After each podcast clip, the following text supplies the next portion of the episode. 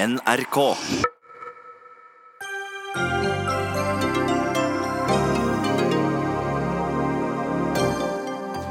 Var det for godt til å være sant? Donald Trump avlyser nå toppmøtet med Nord-Koreas diktator. I brevs form har han forklart Kim Jong-un om hvorfor, og vi skal snart direkte til USA.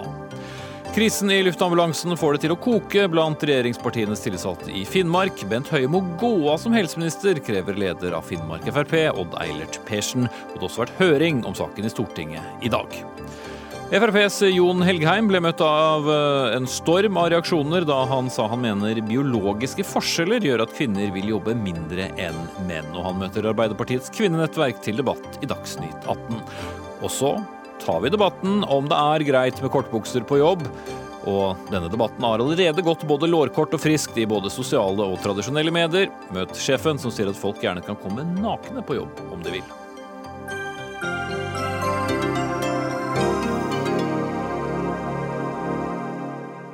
Ja, dette er en liten brøkdel av menyen som vi endelig kan by på her i Dagsnytt 18 nå, etter fravær siden tidlig i forrige uke. Velkommen til sending. Jeg heter eh, Espen Aas. Ja, USAs eh, president Donald Trump avlyste ettermiddag det planlagte møtet med Nord-Koreas leder Kim Jong-un. Møtet skulle etter planen ha funnet sted 12. juni, altså bare noen uker unna, og i et brev til den nordkoreanske lederen, som ble offentliggjort i dag, begrunner Trump det med voldsomt sinne og åpen fiendtlighet fra Kims side. Og Tove Bjørgaas, eh, vår korrespondent på plass i Washington, hvor overraskende var egentlig den avlysningen? Egentlig ikke så overraskende når vi ser på det som har skjedd den siste uka, for retorikken mellom de to har blitt stadig mer negativ. Men her i Washington så var det mange også i Det hvite huset og ikke minst Utenriksdepartementet som ble overrasket når dette brevet faktisk kom i dag, og som ikke visste at Trump hadde bestemt seg for uh, å avlyse. Så, så, så, så det, det, folk ble tatt litt på, på, senga her, men for to dager siden så sa også Trump at han uh, vurderte om han måtte avlyse møtet. Så, sånn sett kommer det ikke så overraskende. Hvilke konsekvenser kan da dette få for uh, en mulig avtale om atomnedrustning? Det har jo også kommet uh, nyheter i dag om at uh, det foregår sprengning av fabrikker og mer til i Nord-Korea. Ja, USA har jo krevd at Nord-Korea avslutter hele sitt atomprogram dersom dette møtet i det hele tatt skal finne sted. Og Det har jo Kim en gang sagt at han ikke vil gjøre dersom ikke USA slutter å bruke sine atomvåpen. Eh, men, men det som skjedde med dette, bom, at man da kanskje ødela dette anlegget i dag, det er jo på en måte stå i motsetning til det at møtet faktisk blir avlyst. Eh, det vi ellers ser, er jo at retorikken mellom de to landene, og spesielt mellom Trump og Kim, eller folk som står nær Kim, er tilbake på det nivået som vi hadde f.eks. Eh, nesten under generalforsamlingen i FN i fjor, når, når Trump truet med å utslette Nord-Korea. Eh, nå sier altså eh, en talsmann, talskvinne for Utenriksdepartementet i Nord-Korea i dag at eh, dersom ikke USA vil møte dem ved et møtebord, så vil de møtes i en atomkonfrontasjon. og Det er jo svært sterke ord. Trump på sin side sier at USA har massive ødeleggende atomvåpen, men at han ber til Gud om at han ikke må bruke dem. Kan det likevel bli et møte på et senere tidspunkt, Tove? Det har jo vært lagt veldig mye prestisje i dette møtet, både fra Donald Trumps og Kim Jong-uns eh, side. Og Vi husker jo også eh, møtet, håndtrykket, den spaserturen eh, i den sonen mellom Nord- og Sør-Koreas ledere for ikke lenge siden. Så veldig veldig mange håpet jo, hadde lagt veldig mye inn i dette, ikke minst sørkoreanerne, som sier i dag at de ikke skjønner helt hva Trump mener. Og Trump holder jo fortsatt døra åpen for et møte senere, men det er altså vanskelig å komme dit. og det med at man i det hele tatt hadde fått eh, en dato, et møtested, eh, var jo helt historisk. Eh, så det er veldig vanskelig å si hva som vil skje videre nå. Det eneste vi vet, er at dette er den mest spente konflikten i verden akkurat nå. Og at, at det har vært aller øverst på Trump-administrasjonens utenrikspolitiske agenda, og det kommer det helt sikkert til å fortsette å være. Så vi må bare vente og se hva som skjer videre. Men altså en betydelig forverring i dialogen mellom de to landene den siste uka som har ført til dette nå. Takk skal du ha, Tove Bjørgaas. Det mest forutsigbare i denne saken er kanskje at den er så uforutsigbar. Dagsnytt 18 alle hverdager klokka 18.00 på NRK P2 og NRK2.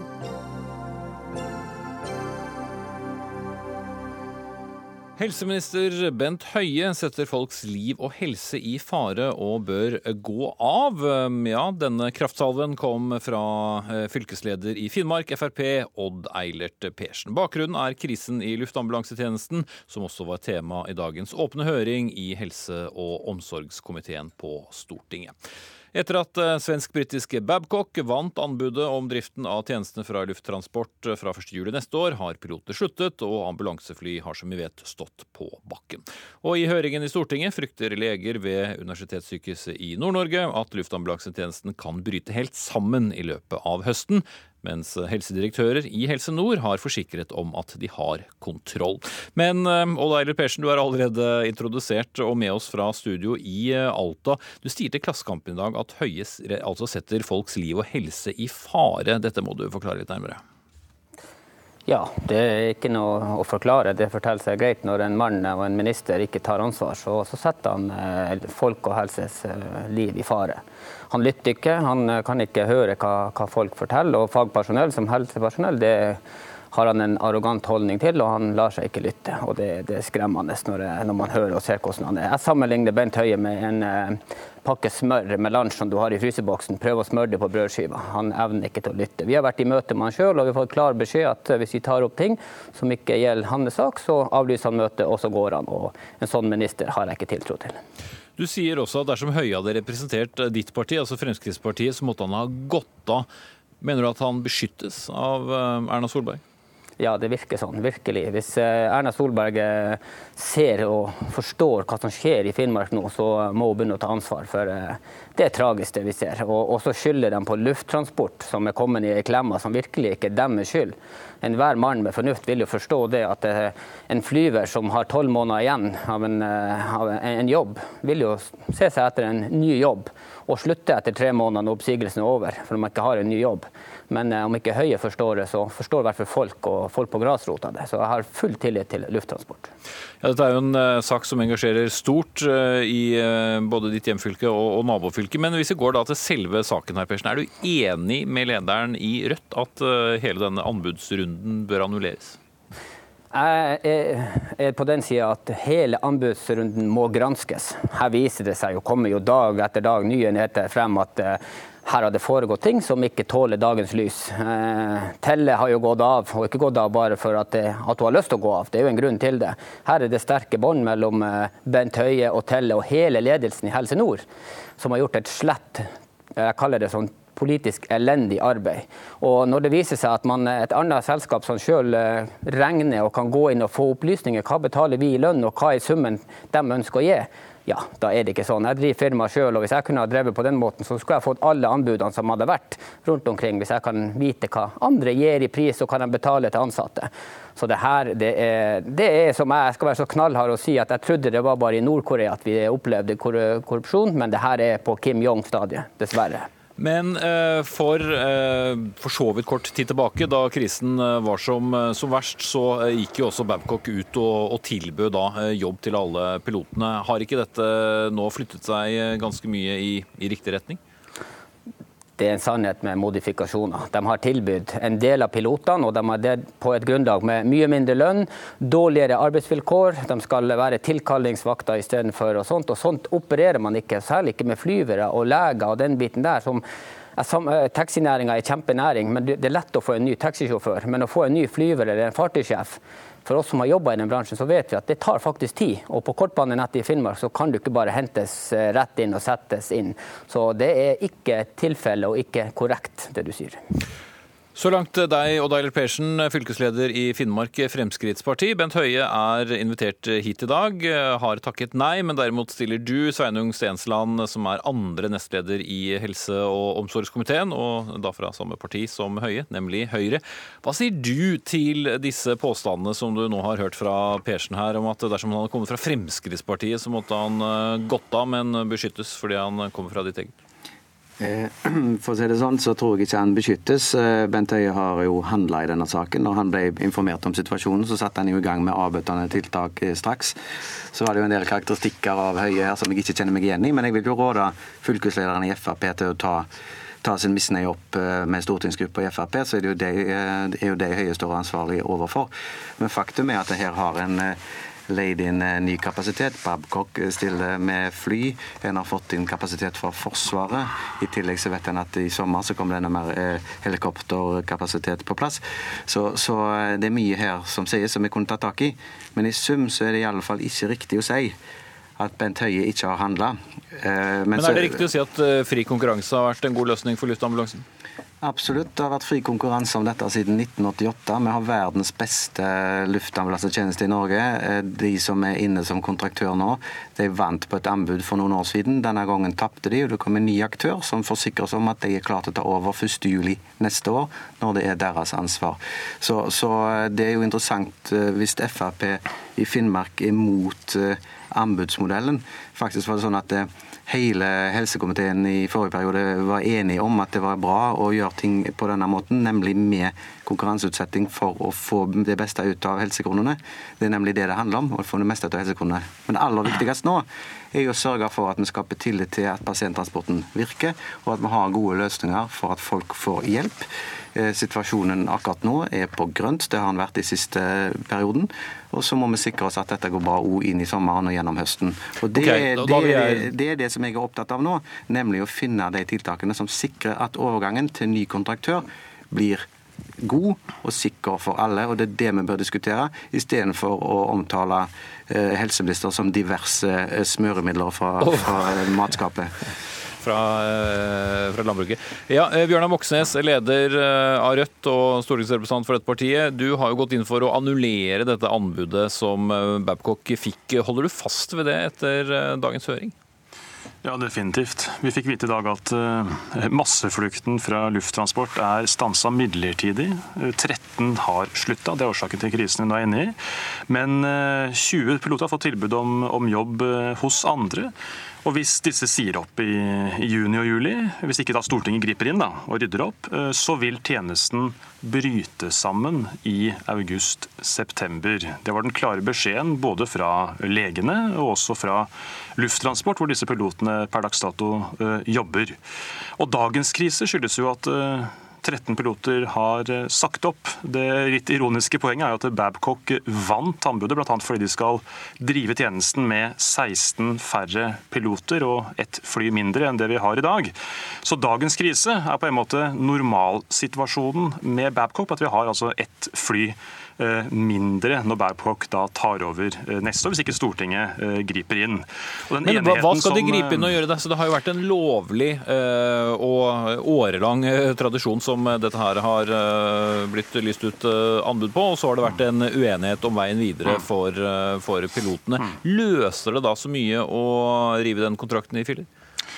Det er nok det eneste som, som, kan sikre at vi får med oss personellet videre. fordi det er jo personellet som jobber i tjenesten, ikke flyene, men personellet, eh, både flyoperativt og medisinsk, som er den aller viktigste ressursen.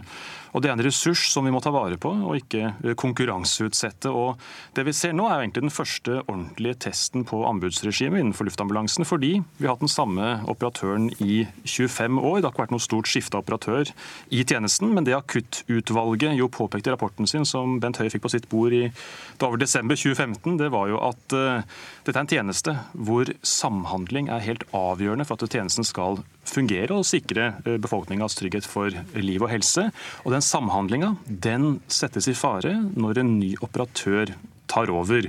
Så vi risikerer altså at vi hvert sjette år hiver ut kompetansen og pilotene, fordi noen partier, ikke minst Høyre, har en ideologisk tro på at anbud alltid er best, også innenfor fellesskapets Og det er en ideologisk uh, mening om, om det ja, motsatte? Som, nei, vet du hva, det funker ikke. Det vi ser nå er en lenge, lenge varsla krise. Høyre så bort ifra akuttutvalgets enstemmige anbefaling om å utrede offentlig drift, fordi, som de sa, vi har ikke råd til at tjenesten bryter sammen fordi personelle kompetansen forsvinner. Okay, så her er altså Høyre som har skylappene på, og som ikke evner å korrigere politikken. Og da til Sveinung Stensland fra Høyre. Jeg tror eh, pragmatisme er bedre enn ideologi i det spørsmålet. Ja, det, alt, det er godt nytt, hvis det faktisk ja, skjer med Høyre. Ja, eh, Først av alt er det sånn at det er faktisk eh, private som har bygd opp luftambulansetjenesten i Norge. Widerøe var tidlig ute på 30-tallet. Vi har Norsk Luftambulanse som en ideell stiftelse som har bygd dette opp. Og, og nå har altså Lufttransport tatt dette på et anbud anbud. Og det har gitt oss verdens beste luftambulansetilbud, som ble sagt hver gang.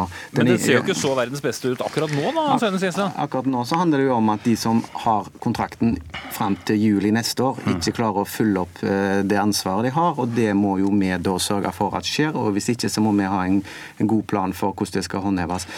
Og Det er òg eh, interessant her å høre Moxnes eh, si at vi skal lage et statlig, et statlig selskap for, for flygning. Det høres ut som Finnmark Frp er enig i det òg.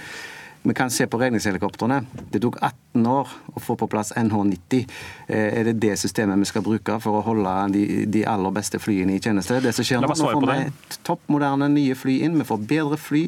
Det er høyere kvalitetskrav. Det er bedre utstyrt. Det er òg bedre landingsutstyr. Men de spørsmålene om pilotene, da. Ja, la meg svare på det, bare. Fordi at eh, for det første er det, sånn at det er jo staten som har stilt disse kravene. Eh, det er, det jo staten som bestemmer at vi skal ha bedre og nye fly. Det kan vi naturligvis bestemme hvis også staten eier flyene selv. Men for oss er ikke det viktigste egentlig eh, hvem som eier flymaskinene. Det viktige for oss er at eh, akkurat som ambulansene på, på hjul, så er det sånn at de som kjører ambulansene, de er en del av helsetjenesten, en del av teamet som, som driver ambulansetjenesten på bakken. Og også i lufta så er det avgjørende at, som vi nå ser, det å miste personell som har en spesialkompetanse, som kan fly når det er mørke, når det er uvær og storm og, og det er fare for liv og helse, det får du ikke bare henta hos Adecco uh, i morgen. Dette er folk som vi trenger med oss videre. Uansett om eh, vi går for Moxnes versjon eller fortsetter der hvor vi er nå, så er det utvilsomt noen utfordringer i vente. Jeg må stoppe dere der. Sveinung Stensland, andre nestleder i helse- og omsorgskomiteen for partiet Høyre, og Bjørnar Moxnes, leder i Rødt. Og jeg må også takke av da Odd Eilert Persen, som har hørt på det hele, som er fylkesleder i Finnmark Fremskrittsparti. Og vender meg mot Magnus Takvam, vår politiske kommentator. Ut fra den høringen som har eh, rullet og gått eh, gjennom dagen, med som hørte advarsler fra leger og forsikringer fra eh, ledelsen ved helseforetaket, er Bent Høie svekket eller styrket? Så Det avhenger av hvordan denne krisen løses. Løses krisen etter hvert, så er han absolutt ikke svekket. Eh, men det som kom fram i høringen i dag, og som, som i hvert fall jeg syns vakte mest oppsikt, var noe av det eh, dere var inne på her tidligere, nemlig at eh, ledelsen for det selskapet som har operatøransvar i dag, Lufttransport, sa at de punkt 1 risikerer å gå konkurs dersom de får regningen for de ekstrakostnadene som denne beredskapskrisen har ført til, med innleie av nye fly osv., andre fly. Eh, punkt to, dersom da eh, 20 utover de 13 som allerede er eh, sagt opp, faktisk bestemmer seg for å slutte, så klarer ikke, sa, sa ledelsen der i, i dag, eh, Lufttransport å levere tjenesten. Og da er det jo selvfølgelig en full krise. Så det var et veldig dramatisk eh, eh budskap. Og det er den situasjonen som må løses. Man må ha en ordning fram til da en ny operatør overtar mm. neste år. Og det er 13 måneder til, og litt over det til og med. Så ja. her er det da litt av et uh, vakuum. Mm. Eh, har det noen betydning at eh, tillitsvalgte eh, ut i landet fra både Frp, som vi hørte her, men også Venstre i mm. Finnmark nå hever såpass kritiske røster? Altså, det er i hvert fall Eh, det viser jo en veldig viktig eh, dimensjon ved denne saken, nemlig den regionale konflikten. Vi har nettopp hatt en folkeavstemning om regionreformen i Finnmark, som alle vet hvordan gikk. Det er klart at Eh, I Finnmark så aksepterer man ikke eh, forklaringer på juridiske spissfindigheter for å skal vi si, forsvare den krisen som har oppstått. De vil ha en løsning. Så det er interessant å observere at presset også kommer internt i regjeringspartiene. Eh, men så kan du spørre om hvordan skal man komme ut av, av denne krisen. For det er ikke flertall for det som Rødt vil? Nei, jeg tror verken Arbeiderpartiet eller Kristelig Folkeparti vil, eh, vil eh, lande på eh, et såpass radikalt forslag som å annullere en lovlig inngått kontrakt. Det er jo ingen, foreløpig i hvert fall, som hevder at de som har fått anbudet, Babcock, på noen måte selv har gjort noe ulovlig. Kritikken rettes jo mot helsemyndighetene, som har organisert anbudet. Eh, det er der kritikken går. slik at jeg tror ikke det får, får flertall. Det som man kan håpe på, er at de forhandlingene som skal starte 28. mai mellom pilotene og, og LO og eh, Babcock og NHO, kan komme til en løsning. Den brøt jo sammen tidligere. Hvis de får akseptable forhold for å gå mer eller mindre kollektivt inn i det nye selskapet, så roer dette seg. Så det er det er den mest realistiske veien ut av dette.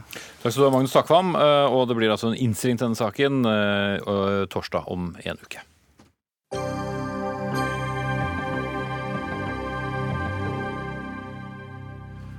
Som vi pleier å si i Dagsnytt 18, da skal vi ha temaskifte. Og det skal eh, nå handle om eh, mat og drikke, eller kanskje snarere mangelen på sådan. For 16. Eh, mai startet den islamske fastemåneden ramadan, og under den skal man gi avkall på mat og drikke fra daggry til solnedgang, altså om lag 18 timer får det la, og den er en religiøs plikt for muslimer. Åshild Brun Gundersen, stortingsrepresentant og utdanningspolitisk talsperson for Frp, du er bekymret for at barn ikke får spise eller drikke i løpet løpet av en hel dag og, og frykte for rett og slett omsorgsfrykt. Frykt, eh, svikt, heter det til og med. Omsorgssvikt, sier det en gang til, så vi skjønner hva ordet var. Hva er det som får deg til å bli så bekymret? Ja, først og fremst så har jo ikke barn en plikt til å, å, følge fasten i ramadan, men vi ser at det er en økende utvikling at de gjør det likevel. Man har eksempler fra Sverige hvor barn har besvimt på skolehverdagen. Lærerne melder om at barna er dehydrerte, har fått konsentrasjonsproblemer, utvikla helseproblemer. Man er nå reelt sett bekymra for at flere barn velger å faste gjennom ramadan. Og Det er også Fremskrittspartiet bekymra for. Derfor ber vi nå lærerne følge med på dette. Eh, gi beskjed til foreldrene om at det er uakseptabelt at man i Norge går 18 timer lange dager dager uten mat og drikke. Men vet du om de gjør det? Vi vet at det er en økende problem i våre naboland, så det er ingen grunn til å tro at ikke også dette forekommer i Norge. Derfor må lærerne følge ekstra med i denne perioden. Det er altså tre uker igjen eh, hvor barn eh, får 18 timers lange dager uten mat og drikke, og det mener vi er et problem. Mm. Stortingsrepresentant for Venstre, Abid Raja, selv muslim. Eh, du reagerer på det som blir sagt her, hvorfor det? Nei, Jeg noterer meg at eh, hun modererer seg noe fra tidligere i dag. For da har hun jo vært ute og kalt dette for grov omsorgssvikt. Og jeg mener jo det å sammenligne dette med disse grove omsorgssviktsakene som vi ser i barnevernet, det undergraver egentlig de vanskelige sakene som vi vet finnes i barnevernet. Når det gjelder eh, altså fasting, så for det første så er jo prinsippet om religionsfrihet det er jo et bærebjelke i ethvert demokrati. En menneskerettighet som gjelder over hele verden. Men det hender jo det er ting jo, som er kontroversielle innenfor jo, da, det, religion? Ikke ja, ja, ja, altså religion religioner er full av kontroversielle jo, og plikter. Det er jo hele ulempen med religionene, at de er full av plikter.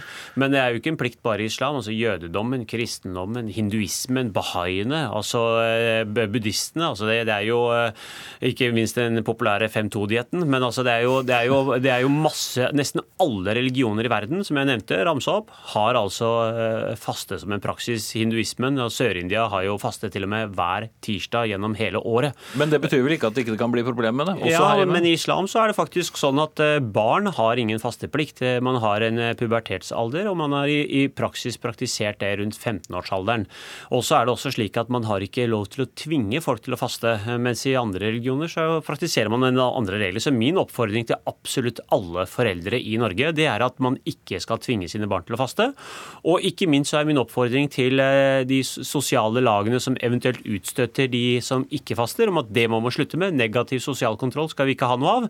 Men så har vi faktisk religionsfrihet, og dersom det finnes da voksne og ikke minst eh, eh barn eh, Jeg er jo barn fordi jeg er under myndighetsalderen, men hvis de ønsker å gjøre det i 15-årsalderen, det har jeg gjort sjøl, det har vært helt uproblematisk. Det gikk både bra på skolen, det gikk bra på eksamen, det gikk bra på Cooper-testen. Det går egentlig greit, så jeg tror ikke man skal krisemaksimere, og jeg tror det er helt feil ordbruk å kalle det for omsorgssvikt. Ja, men Gundersen, drar du det litt langt her? Nei, når barn eh, går 18 timer uten mat og drikke i innspurten av eksamenstid, man er helt avhengig av at de skal prestere på skolen. Mat er helt avgjørende for at barn skal både utvikle seg, få trivsel på skolen og ha læringsutbytte av det. Jeg mener det vil være grov omsorgssvikt å si eh, å nekte barn tilgang på mat og drikke over en så lang periode. men da vet vi ikke hvorvidt det er eh, så utbredt, da. Nei, og jeg håper ikke det er det, men jeg tror det er mye større mørketall enn det man skulle tro. og Nå ber vi altså lærere om å følge med på dette. Barn som kommer slitne på skolen, som besvimer på på skolen pga. manglende mat og drikke over en lang periode. Eh, det er omsorgssvikt, det kan vi ikke akseptere. og Derfor er det viktig nå at eh, alle foreldre får beskjed om at i Norge så forventer vi at barn kommer uthvilte og mette til skolen. Altså jeg forstår her at jeg tror vi har to ulike virkelighetsforståelser. For eh, hun snakker om at man skal nekte barna sine eh, mat og drikke. Mens min, min erfaring med muslimene er egentlig det motsatte. At foreldrene ønsker å vente ofte ganske lenge til barn får lov til å, å faste. Mens eh, yngre barn gjerne har lyst til å prøve seg fordi de ser opp til sine store søsken, de ser opp til sine foreldre, de leker med andre kamerater som faster osv. Og, og, og foreldrene introduserer gjerne sånn halvdagsfaste for, for barn som er yngre enn den alderen man tror skal, kunne takle dette. Det er veldig få foreldre som fysisk tvinger sine barn til å faste og nekter dem å spise og drikke på den måten. Så jeg For du er enig at det ikke ville være en særlig god idé ja, altså, å hindre en åtteåring å spise altså, i 18 timer? Ja, det er altså det jeg tar avstand fra enhver plikt eh, som påtvinges folk. Altså for, man, eh, man, må få lov til å velge dette sjøl, men jeg tror vi snakker litt til forskjellige grupper her. Jeg tror hun har et behov for å male frem et inntrykk av at muslimer driver og nærmest omsorgssvikter sine barn. og det er faktisk ikke tilfellet, programleder. Jeg var akkurat i debattstudio med henne her og nå, hvor hun sa at det ville være farlig å kjøre f.eks. med taxisjåfører fordi de sulter jo i 15-18 timer.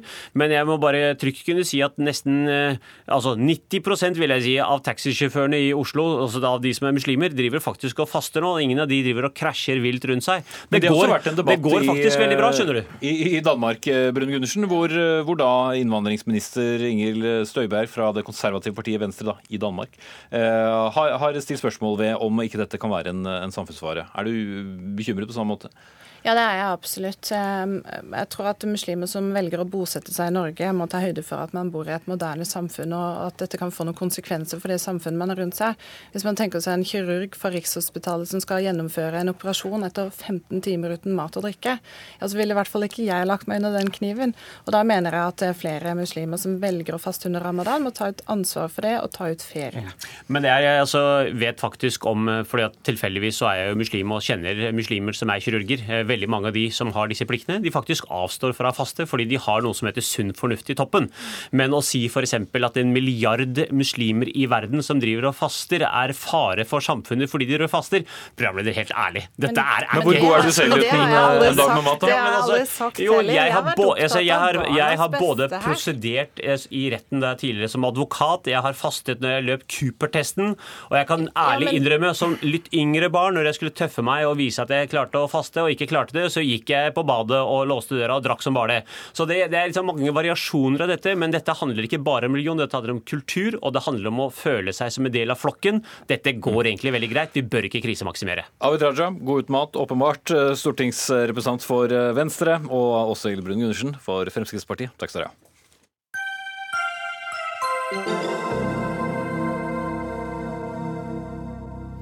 Det skal nå handle om en eh, annen eh, gruppe, nemlig eh, de eldre og eldreministeren, som anklager kommuner for å bygge badeland fremfor sykehjem, som vi kunne lese om i Aftenposten i dag. For de siste ti årene er det blitt 824 færre plasser på alders- og sykehjem til tross for at kommunene har hatt mange år på seg til å øke kapasiteten. Og det har fått deg, det eldreminister Åse Michaelsen fra Fremskrittspartiet, til å reagere. Hva er det som har gått galt med kommunenes prioriteringer? Altså jeg er litt sånn frustrert, for nå har vi holdt på i 17 år med å gi gode tilskudd ut til kommunene. Og da denne regjeringa overtok i uh, ja, Fem år siden, sånn ganske snart? Ja, altså, ja nei, men 17 år siden, siden vi begynte. og Da var den rød-grønne regjeringa og la inn uh, tilskudd til kommuner for å bygge nye plasser, og også oppgradere plasser. Og så kom vi, og vi økte fra 35% til 50% og i tillegg så får kommunene noe som heter momskompensasjon. Og det er det som kanskje er min frustrasjon går ut på at det, her har kommunene hatt mulighet over lang tid til å sette i gang bygging. Så er vi fullstendig klar over at det tar litt tid. Altså fra en søknad går inn og så til bygget står ferdig og midlene løses ut. Men det er litt den frustrasjonen min går på at eh, ja, kommunene rundt forbi eh, da ikke får gjort den jobben de burde for. For vi vet jo alle at eh, vi blir flere og flere eldre og må være forberedte. Mm. Tuva Moflag, eldrepolitisk statsperson i Arbeiderpartiet. Du reagerer på denne kritikken av kommunene. Hvorfor det? Nei, altså, Jeg syns det vitner om en dårlig forståelse for hva kommunene faktisk holder på med, og hvilke tøffe prioriteringer eh, de gjør. Eh, eldreministeren peker jo på at man prioriterer badeland og det ene med det andre. Men dette handler om å prioritere barnehage, skole, det handler om helsesøstertjeneste. Vi mangler 700 jordmødre i kommunene. Så jeg lurer på hva eldreministeren egentlig mener at vi skal prioritere ned. Men er du fornøyd med utbyggingen av alders- og sykehjem? i kommunen? Eh, det bør jo et taktskifte til. og vi ser jo nå at... Så dere er egentlig litt enig? Ja, Vi ser at, at, at, kurvene må snu. Men kommunene har jo også gjort en formidabel innsats de siste årene med å endre til enkeltrom. Nå er 98% av sykehjemsrommene blitt enkeltrom. Og Da kan man jo se for seg at det nå naturlig nok vil bli flere plasser. Mens man i årene bakover har prioritert å gjøre om dobbeltrom til enkeltrom. Og det har jo også vært en ønsket utvikling. Mm. Og Michaelsen, eh, det er jo som Moflak sier, eh, formidable oppgaver som ligger på, på kommunene, og man kan ikke gjøre alt på en gang. Nei, Det er riktig, men så er det sånn også at eh, vi har aldri hatt så store overføringer eh, til kommuner som vi har hatt nå. Vi har hatt en vekst på 4 milliarder, eh, og vi ser særlig 2016-2017 har vært altså tidenes budsjett som kommunene har hatt, ikke minst pga. også en god skatteinngang. Så kommunene har hatt kapital til å kunne velge rett. Og det er da jeg er litt opptatt av det at vi velger det viktigste først. Så skal kommunene selvfølgelig ha det handlingsrommet til å kunne prioritere. Men det er kanskje den litt som en ser, at en prioriterer ikke alltid rett. En, eh, jeg har jo selv sittet som kommunestyrerepresentant i mange mange år. Ja, dere har vel eh, erfaring fra lokalpolitikken ja. begge to, men litt, litt, forskjellig mening om uh, hvordan du skal utføres? Ja, altså jeg tenker jo det at når du, når du sitter der på en novemberkveld, som det skjer rundt om i det ganske land, og skal vedta budsjett, så er det jo sånn at du setter selvfølgelig det ene opp mot hverandre. Men da er det jo viktig at lokalpolitikere, uansett farve som vi har politisk, faktisk prioriterer det viktigste først. Og ikke minst det som er statlig pålegg eh, i kommunene. Men vil du gå inn da og um, overprioritere? Altså si nå får dere la barnehagene vente, og så får dere bygge sykehjem i stedet? Nei, men altså Både skole, barnehage, helse, omsorg og pleie, dette er jo saker som er det viktigste først. Men jeg tenker kanskje det er ikke alltid sånn at kommuner skal drive i underholdningsbransjen eller på annet vis da bruke midlene på et annet område. Det er viktig at vi leverer ute i kommunene, og ikke minst de folkevalgte, på de områdene som innbyggerne har behov for først. Måte. Ja, nå er det jo sånn at Både svømmeopplæring og kulturskole er lovpålagte oppgaver. Så det er jo ikke sånn at det er tull å bruke penger på det. Eh, og så lurer jeg på, eh, mener da eldreministeren at, eh, at Sanner nå tar feil, når han sier at kommunene må bare prioritere å oppbemanne barnehagene? For der har vi jo fått en utfordring rett i fleisen til kommunene. Regjeringa bestemmer en bemanningsnorm for barnehagene, men sender ikke med penger. Og da går det ikke an å gjemme seg bak at det bare er å prioritere hver eneste gang. Fordi oppgavene til kommunene er større enn handlingsrommet. Men det er 1400 eldre på venteliste òg? Det er det. Eh, nå er det en del av de eldre som har eh, korttidsplass, eh, og en del av dem har tjenester i hjemmene sine. Og jeg syns det er viktig at vi ikke mister synet av det også. Vi trenger en bo hjemmereform, fordi vi vet at vi ikke klarer å levere samme nivåer på sykehjemsplasser som, som vi har nå. Vi må vri omsorgen til å bli mer hjemmebasert, og der savner jeg jo en satsing fra regjeringa. Jeg syns de er litt passive der. Mm, men hvis vi holder oss til kommunene og ikke diskuterer en, en annen sak. Er det eh, riktig da alltid å prioritere eldre først? da? Altså, mange, altså, kommunene er jo forskjellige, og de er eh, sammensatt forskjellige. Og de har utbygget sykehjem og, og barnehager forskjellig. Det er vel noe av det vi eh, skal gjøre også, stole på at kommunen prioriterer riktig for innbyggerne? Ja, altså Det er jo viktig med lokaldemokratiet, så absolutt. Men nå har vi jo just lagt fram en reform som heter Leve hele livet, som nettopp tar inn over seg at hvis ikke vi endrer måten å jobbe på ute i kommunene, og hvis vi ikke endrer eh, altså altså lave taktskifte i forhold til både bygging av, av, flere og bedre sykehjemsplasser, så vil vi kunne klare dette. Og eh, en tredjedel av vår ungdom som i dag går på videregående skole, må da inn i denne sektoren hvis vi ikke gjør noen grep. Og da er det viktig, både som min, min kollega her sier fra Stortinget, at eh, vi må også se på hvordan vi kan tilrettelegge bedre for at de som ønsker det, kan bo hjemme. Eh, og der er det jo masse ting som skjer som er, som er veldig bra. Men hvis vi går da inn i denne reformen Leve hele livet, som Stortinget Stortinget nå skal behandle i løpet av høsten, så vil man se det at det er masse bra som skjer ute i kommunene. Og jeg vil også, jeg vil også skryte av kommunene, og særlig de som jobber i sektoren, med å gjøre eh, best mulig tjenester, så absolutt. Men vi må tørre å tenke nytt. Og vi skal da sørge for at de midlene som kommer gjennom, eh, gjennom eh, kommunal, at disse blir også eh, tydelig brukt der behovet er størst. Du snakket om prioriteringer tidligere her, Tuva Moflag. Mm. Vil du da dytte mer penger til kommunene så de får dette gjort, eller eh, handler det om å prioritere litt annerledes? Nei, Det handler om å ha, gi kommunene nok handlingsrom. Eh, vi har jo et, eh, et kraftigere kommunebudsjett enn det regjeringa har. Vi har jo to milliarder mer til kommunene, noe som selvfølgelig vil, eh, vil monne. Så det handler jo om å gi nok penger. Nå skal jo eldreministeren gi 140 millioner kroner til disse seks kommunene som er i forsøk med statlig finansiering av eldreomsorgen. 140 millioner på seks kommuner bare nå i revidert nasjonalbudsjett. Men mens jeg tror det var 12 millioner kroner til hele Leve hele livet. Så det er et misforhold her. Eh, det statlige forsøket som de nå finansierer opp, vitner jo om hvor stort behovet faktisk er. Nå, ja, veldig kort til slutt der. Ja, nå, nå syns jeg, nå syns jeg eh, kollegaene her fra Stortinget Altså det at vi gir 12 millioner til Leve hele livet, det er jo en, vi har jo ikke begynt på det engang. Det har jo ikke begynt med behandling engang. Men vi trenger ikke å diskutere den, altså, den alene. Men, men, men altså, signalet til, til, kommunene er skjerp dere, da, fra deg som ja, statsråd? Ja, det er litt sånn at nå har de muligheten da de rød-grønne styrte, da ble rammen på 66% kunnet utnytta. Nå utnytter kommunene 99 Vi har aldri før levert så mye penger og så målretta tiltak til kommunene for å skal bygge flere og bedre sykehjemsplasser. Så det er bare å sette i gang og putte spaden i jorda men ikke for å lage badeland. Takk skal uh, dere ha. Uh, Tuva Moflag, eldre politisk statsperson i Arbeiderpartiet, og Åse Michaelsen, eldre- og folkehelseminister.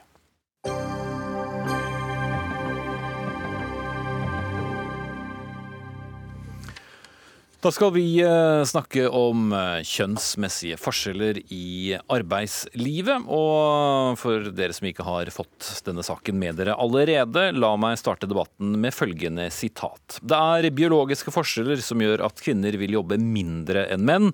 Det kan ikke være stort annet enn kvinners frie valg som forklarer de fleste forskjeller i arbeidslivet. La oss derfor kutte ut alt tøyset og ønske kvinner velkommen til å jobbe mer, sjefe mer og tjene mer dersom de ønsker det. Smilefjes. Dette var det du som skrev, eh, Jon Helgheim, stortingsrepresentant og Fremskrittspartiets innvandringspolitiske talsmann. Dette skrev du på Facebook for noen dager siden. Og det har fått ganske mye oppmerksomhet. Hva slags biologiske forskjeller er det som gjør at kvinner vil jobbe mindre? Nei, altså Dette her var jo en kommentar til uh, noe som uh, Linn Vik i eh, TV 2 har skrevet, hvor hun sier at kvinner i altfor stor grad velger å jobbe mer deltid. Og, og, kritiserer for det, og mener at kvinner bør skjerpe seg og revurdere det valget. Det er ikke jeg enig i. Jeg eh, tror at eh, kvinner har gjort kloke valg, kloke beslutninger, eh, og faktisk velger i større grad de verdiene de setter pris på. For noen så er det å jobbe masse. For andre så er det kanskje å tilbringe noe mer tid hjemme, lage et godt hjem for seg og familien. Så ikke og, biologiske forskjeller, da? Jo, og som biologen i den opprinnelige saken også sa, ja, det er grunnlag for å hevde at kvinner har en trang til å være mer sammen barn enn menn. Er ikke kontroversielt i det hele tatt. Eh, og jeg tror at det gir seg utslag at faktisk noen flere velger å jobbe litt mer deltid, eh, og ser verdien i å være mer hjemme. Og da lurer jeg på hvorfor skal vi hele tida kritisere det? Kan ikke vi begynne å respektere de valgene som kvinner tar, og verdsette de valgene som kvinner tar, og si det at ja, det har faktisk en verdi å være også hjemme for de som uh, velger det. Uh, og så har jeg vært så tydelig på at dette her handler da virkelig ikke om at kvinner ikke kan jobbe. Eh, sånn som noen har valgt å, å, mistolke det til. For jeg kjenner såpass mange kvinner eh, som overgår meg ganske soleklart i arbeidskapasitet og arbeidsevne. Så at det er jo helt lagt dødt. De, som velger karriere, ja, de overgår oss mannfolk ganske ofte. Så det er ikke det det er snakk om. Jeg bare okay. mener, Hvorfor kan vi ikke respektere de valgene som de gjør? Hvorfor skal vi på død og liv ha tvangsordninger som gjør at kvinner skal jobbe like mye? Hvis det er en verdi i å faktisk vente litt annerledes. Okay. Anniken Huitfeldt, eh, leder i Arbeiderpartiets kvinnenettverk og også stortingsrepresentant. Eh, hvordan reagerte du på innlegget til eh, kollega Helgeheim her? Jeg tar jo det han skriver alvorlig, og nå hører jeg at han modererer seg veldig. Det er klart det er problematisk når han sier at det er biologiske forskjeller som gjør at kvinner vil jobbe mindre enn menn. Når vi vet om alle de som jobber innenfor omsorgsyrker, som ønsker seg en større stillingsbrøk, og som ikke får det fordi regjeringen ikke leverer gode løsninger. Alle de som diskrimineres i arbeidslivet etter at de har vært gravide, vært hjemme med barn. Og det er jo dokumentert at det foregår en systematisk diskriminering. Og så sier han at dette er biologi.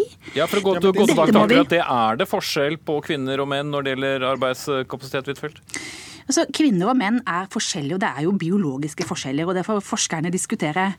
Men hvis vi ser på dette historisk sett, da, for på 1800-tallet så jobba jo kvinner og menn like mye i det gamle jordbrukssamfunnet. Så var det to generasjoner hvor kvinner eh, i mindre grad deltok i lønnet arbeid.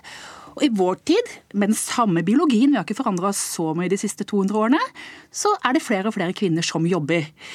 Slik at vi vet at legger vi til rette med pappaperm, med bedre barnehager, så vet vi at kvinner gjør det lettere for dem å kombinere barn familie og jobb. så han ser bort fra, han ser bort fra politikken, for politikken har jo endra seg veldig mange forutsetninger ved å gi eh, bl.a. fedrekvote, som gjør at norske menn er de som tar seg av mest barn i nesten hele verden.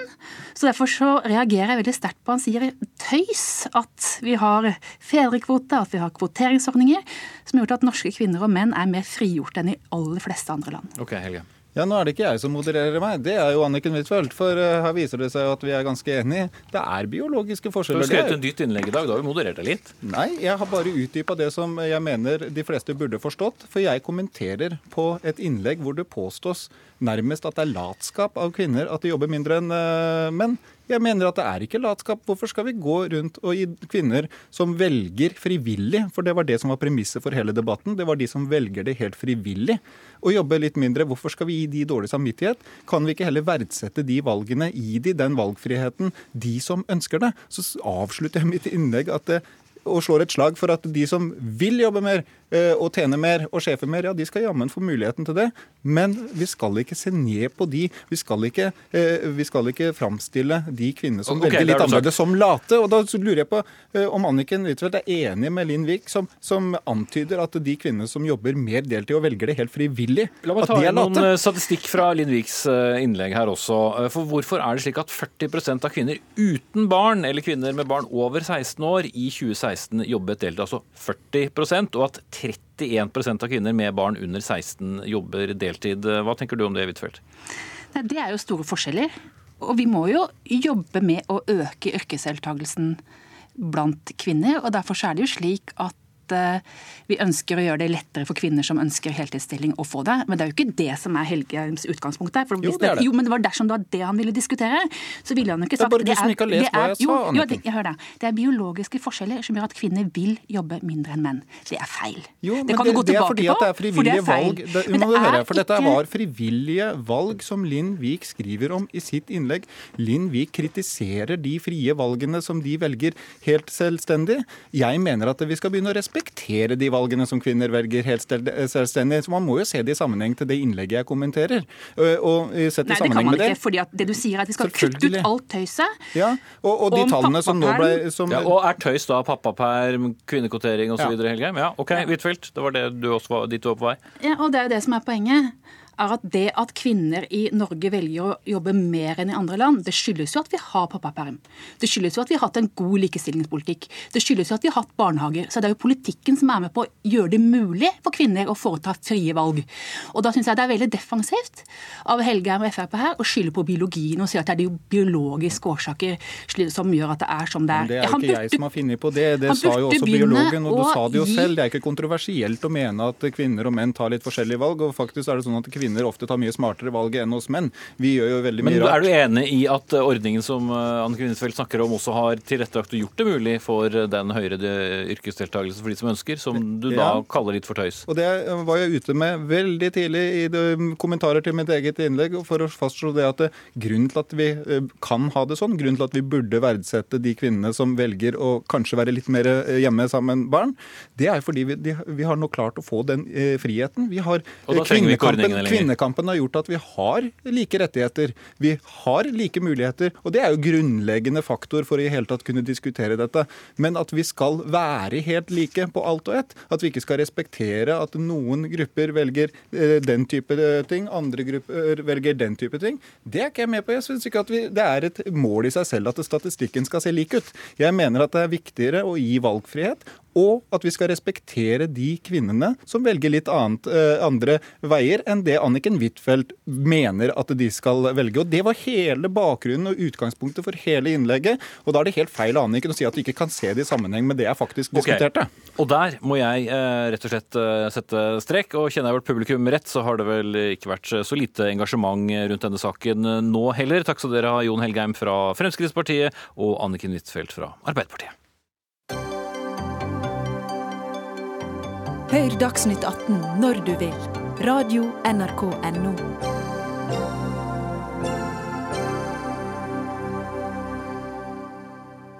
Og idet klokken nærmer seg kvart på sju, så skal vi høre at Arbeiderpartiets distriktsutvalg vurderer å gi flere muligheter til å slette studiegjeld enn i dag. Det er Dagsavisen som har skrevet om det denne uken. I dag kan du få slettet 10% av ditt opprinnelige studielån dersom du bor og arbeider i Finnmark eller i Nord-Troms. Men nå vurderer dere altså om ordningen bør gjelde flere steder i Distrikts-Norge, hvor det er vanskelig å få unge folk til å bosette seg. Cecilie Agnalt, leder av Aps distriktsutvalg, og også for det saks skyld settevaraordfører i Østfold fylkeskommune og gruppesekretær i Østfold Arbeiderparti.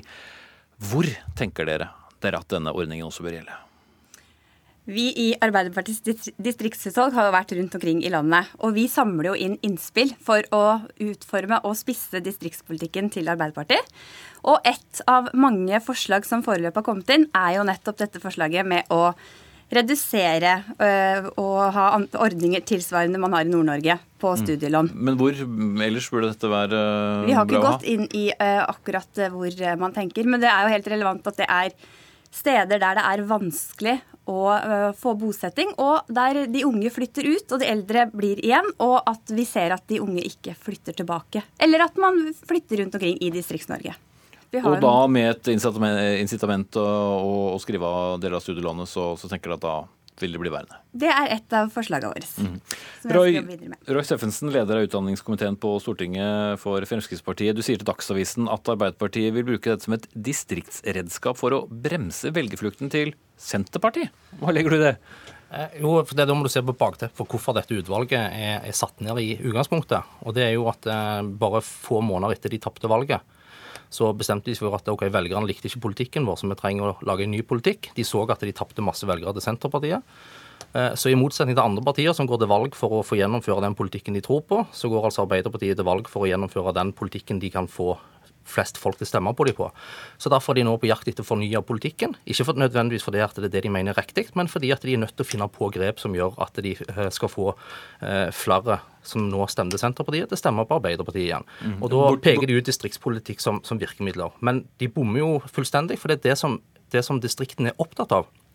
Det er jo å få flere arbeidsplasser. Og Da trenger du, eh, trenger du, stabile rammevilkår. Da trenger du å satse mer på infrastruktur. Du trenger å satse på å redusere bedriftsbeskatningen. For men Du trenger også folk som vil bo og, og, satse og skape nye virksomheter der også? da? Jo, men, men, eh, det går ganske godt i distriktene allerede i dag. Eh, vi ser at arbeidsledigheten i typiske distriktsfylker som, som i Innlandet, i Nord-Trøndelag, i Troms, er rekordlav.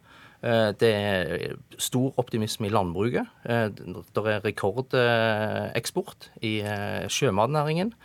Så det går ganske bra i Distrikts-Norge allerede i dag. Men det som de sier de trenger mer av, det er mer arbeidsplasser. Og da må vi satse på infrastruktur vi må satse på redusert beskatning for næringslivet. Ok, Agnat.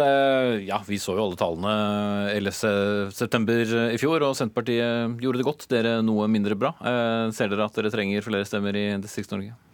Ja, Vi er jo et parti for hele landet, og vært, vår historie er jo å bygge hele landet. og vi ser jo at vi må være tydeligere i distriktspolitikken vår. Vi har ganske god distriktspolitikk, men vi har en utfordring at vi må være tydelige, og at velgerne kjenner seg mye mer igjen. Og det er jo nettopp det, det vårt arbeid handler om.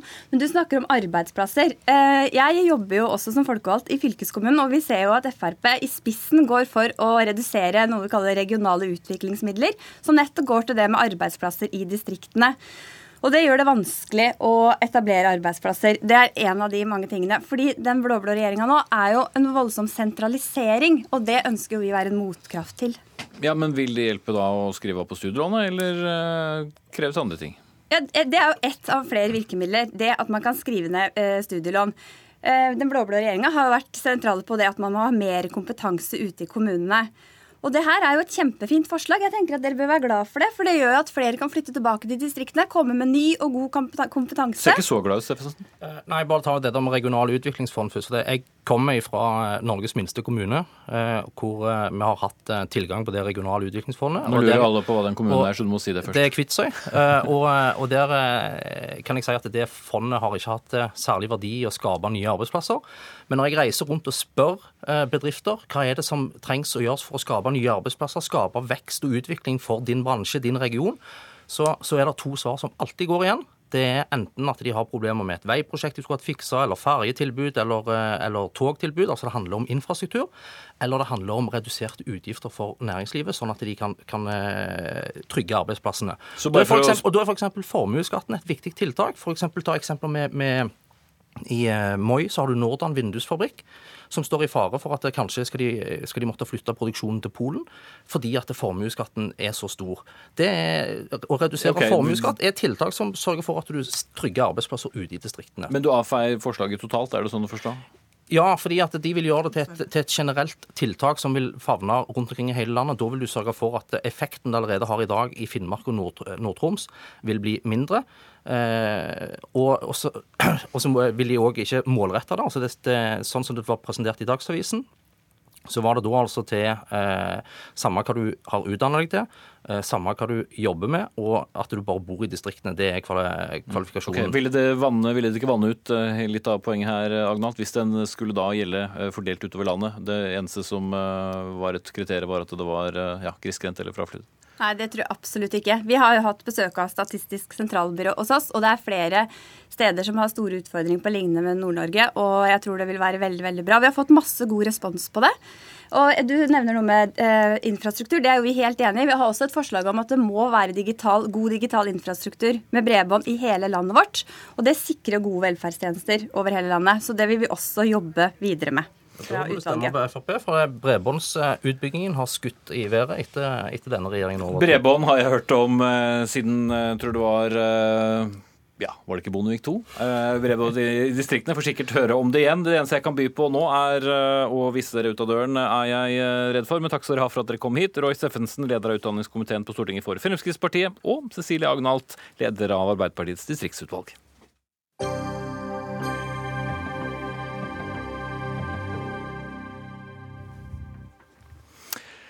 Med den eh, plutselige sommervarmen som har inntatt store deler av landet, er det mer enn solen som har kommet til syne. Det stikker også frem en ikke ubetydelig mengde hårete manneben i mange fargefasetter, størrelser og trolig også grader av tiltrekningskraft. For er det greit med shorts på jobb? Debatten har rast i både tradisjonelle medier og sosiale medier etter at danske Jyllandspostens sjefredaktør Nela forbud mot shorts. Vi er en arbeidsplass, ikke en campingplass skrev han i et internt notat som ikke er fullt så internt lenger, da.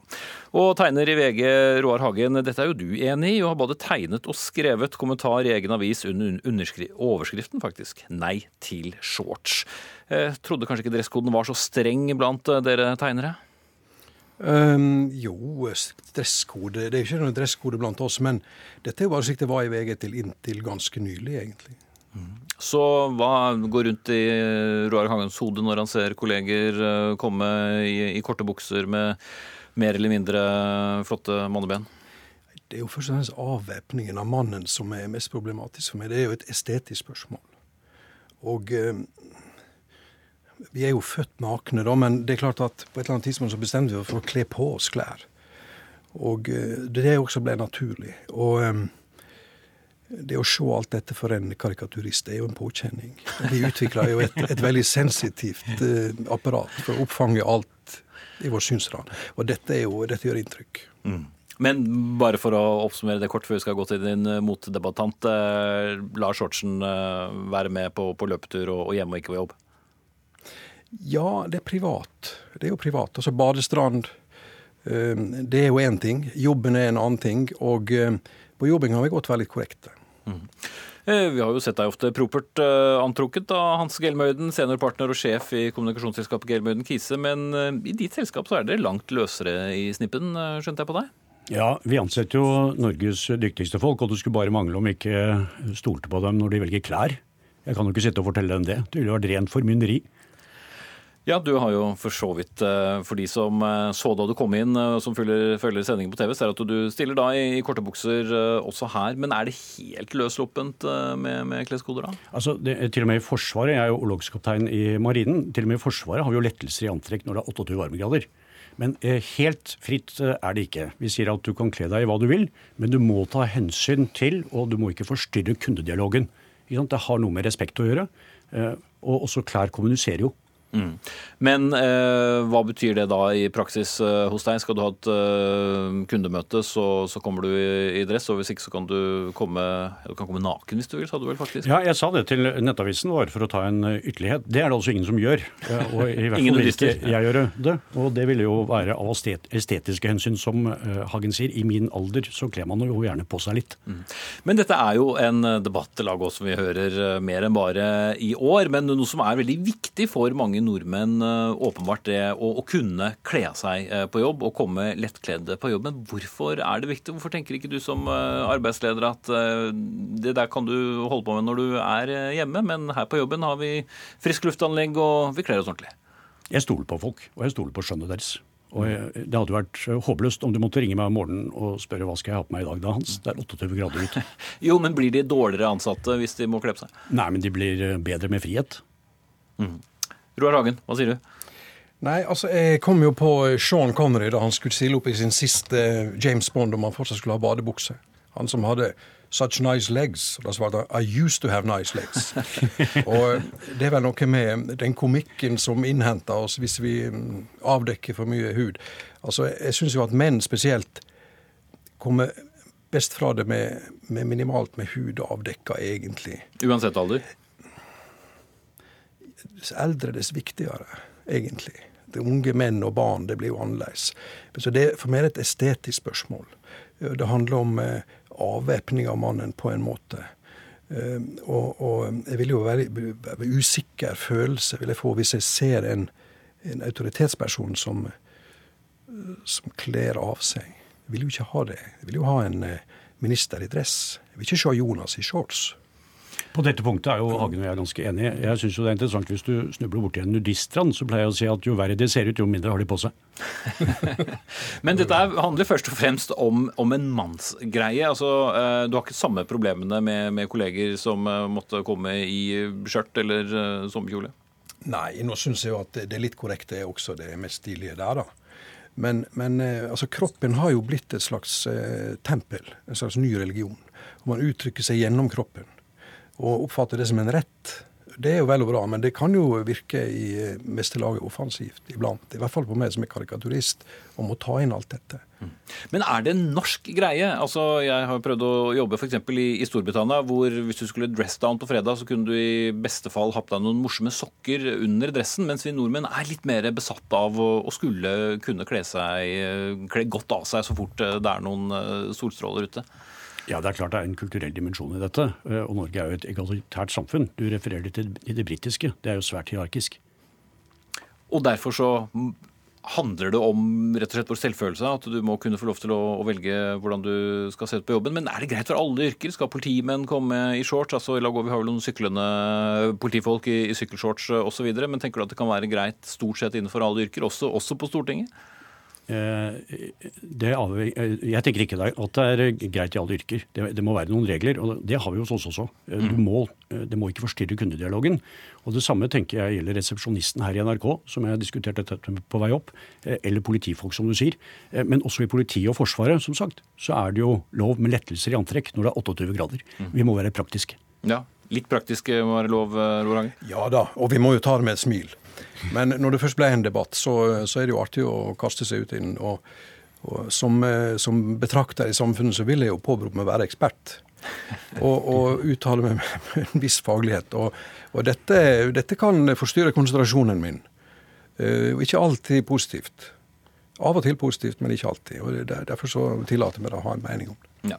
Og det har veldig mange andre også hatt eh, de siste dagene. Takk skal dere ha begge to. Roar Hagen, tegner og også i dette tilfellet kommentator i VG, og Hans eh, Gelmøyden for anledningen i shorts. Eh, denne sendingen er ved veis ende. Ansvarlig for den var Arnhild Myklebust, teknisk ansvarlig Lisbeth Sellereite, og her i studio Espen Aas. for så vidt alle med, med lange bukser. Vi minner om debatten i kveld også med Fredrik Solvang, der luftambulansesaken er tema. Takk for nå.